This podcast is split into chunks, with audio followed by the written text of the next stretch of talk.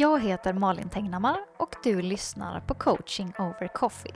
En podcast från One Spoon Happiness där jag varje vecka över en kopp kaffe delar med mig av tankar, mindset och konkreta övningar för att skapa mer glitter i livet. Det här innehållet går också att hitta i videoformat på Instagramkontot at onespoonhappiness. Nu till veckans avsnitt. Hej och välkommen till veckans coaching over coffee. Där vi ska prata om konceptet If you got the nerve, what would you like to do? Det vill säga, om du bara hade varit fräck nog, vad hade du velat göra?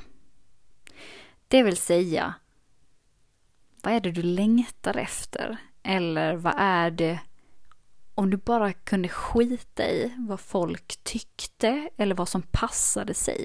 Eller som vad som var rimligt eller korrekt eller riktigt. Vad är det du skulle vilja göra då? Jag tänker att det hos många finns en sån tanke om vad man skulle vilja göra då.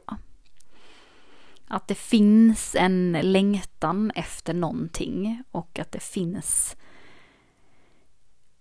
finns den där liksom pirret runt att så här, ja men om man bara kunde vara, om man bara kunde vara fräck nog eh, att våga göra någonting och inte brydde sig riktigt om konsekvenserna, då skulle man testa olika saker. Sen är inte det samma sak som att det är någonting som du kanske faktiskt verkligen vill göra på fullaste allvar och lägger hela ditt liv på. Eh, men jag tycker du ska ställa dig den frågan. Fundera på vad ditt spontana svar blir. Och vad du vill göra med den informationen.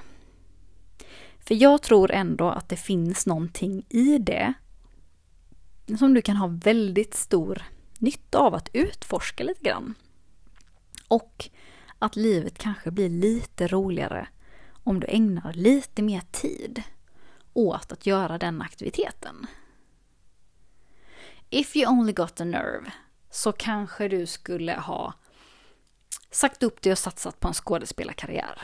Eller flyttat ut i skogen och bara gått off-grid i fyra år som den här killen som har varit med i Husdrömmar nu nyligen gjorde som jag nu helt har tappat namnet på. Eh, kan vara värt att kolla upp, han är en väldigt intressant person.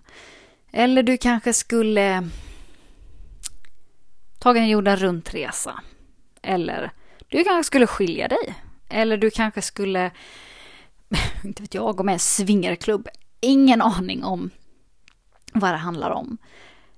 Och det behöver inte vara liksom jättestora grejer heller. Du kanske bara skulle så här, jag skulle måla om hela min lägenhet och alla rum skulle ha en jättestark färg. Eller jag skulle kasta ut hela min garderob och byta stil till den här eh, jättespecifika stilen som jag har smådrömt om i hela mitt liv att ha.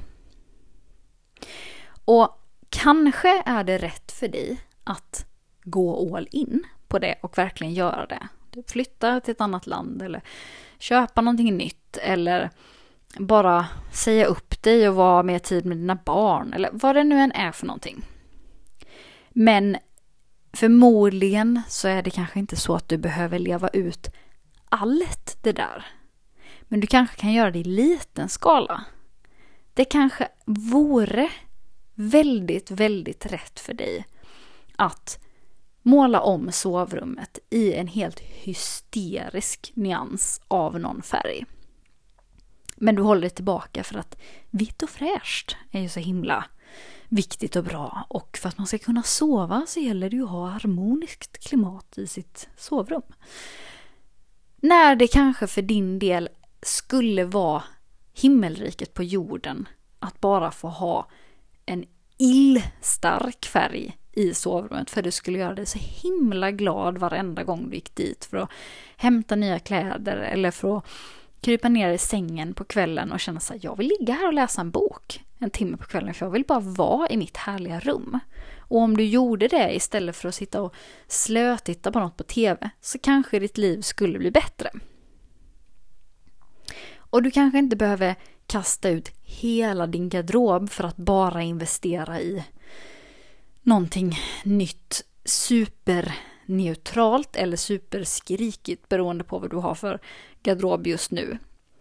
Men du kanske ska köpa något sånt plagg och börja använda det om så bara hemma, typ när du kommer hem från ditt jobb. Att svida om till någonting som är bekvämt men också supersnyggt i en helt annan stil än den som du är van vid. Bara få se vad som händer. Precis som att när du tar på dig högklackat får du en helt annan hållning.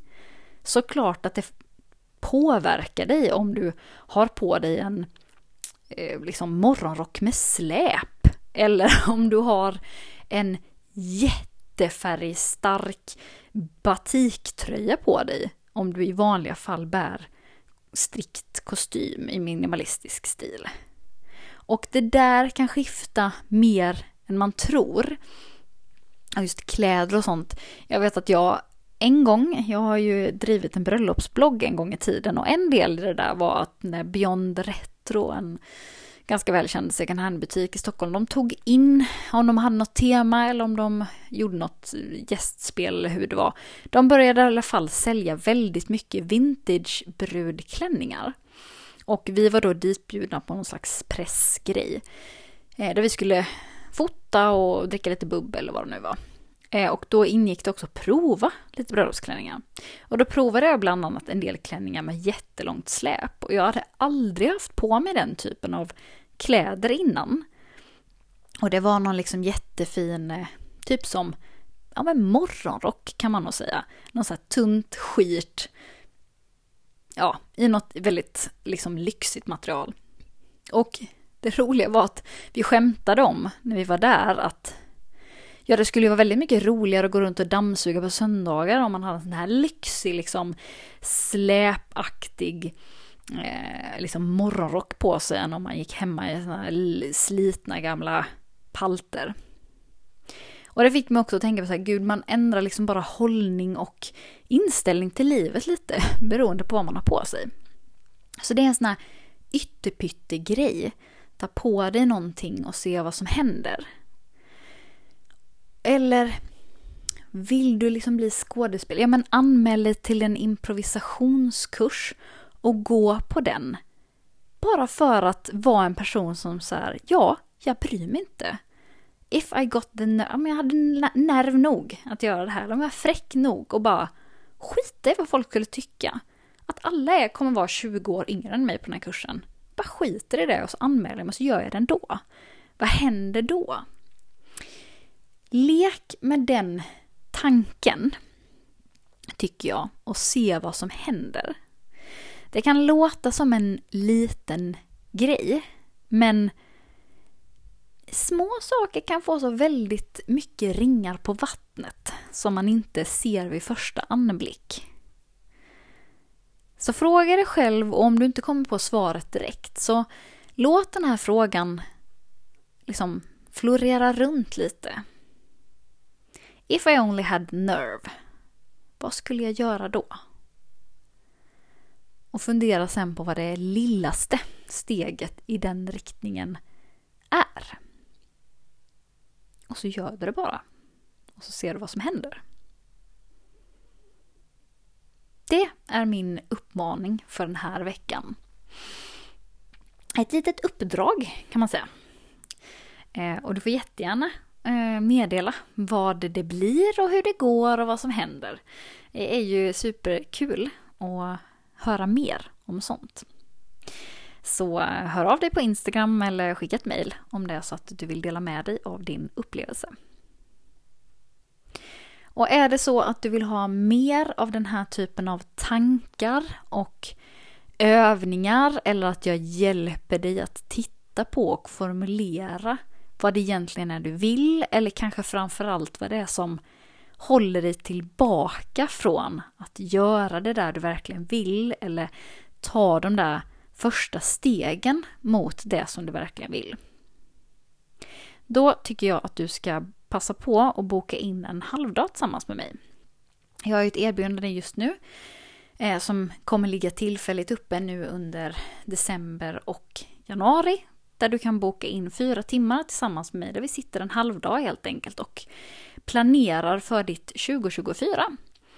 Och det går att använda för att sätta en jättekonkret plan runt någonting som du är medveten om att du vill göra men du vet inte riktigt hur du ska ta dig dit. Vi kan också jobba med det utifrån en lång coaching session där du får väldigt konkreta steg att ta för att komma vidare mot någonting som du verkligen vill komma vidare med under 2024. Och det kan vara både arbetsrelaterat och privat.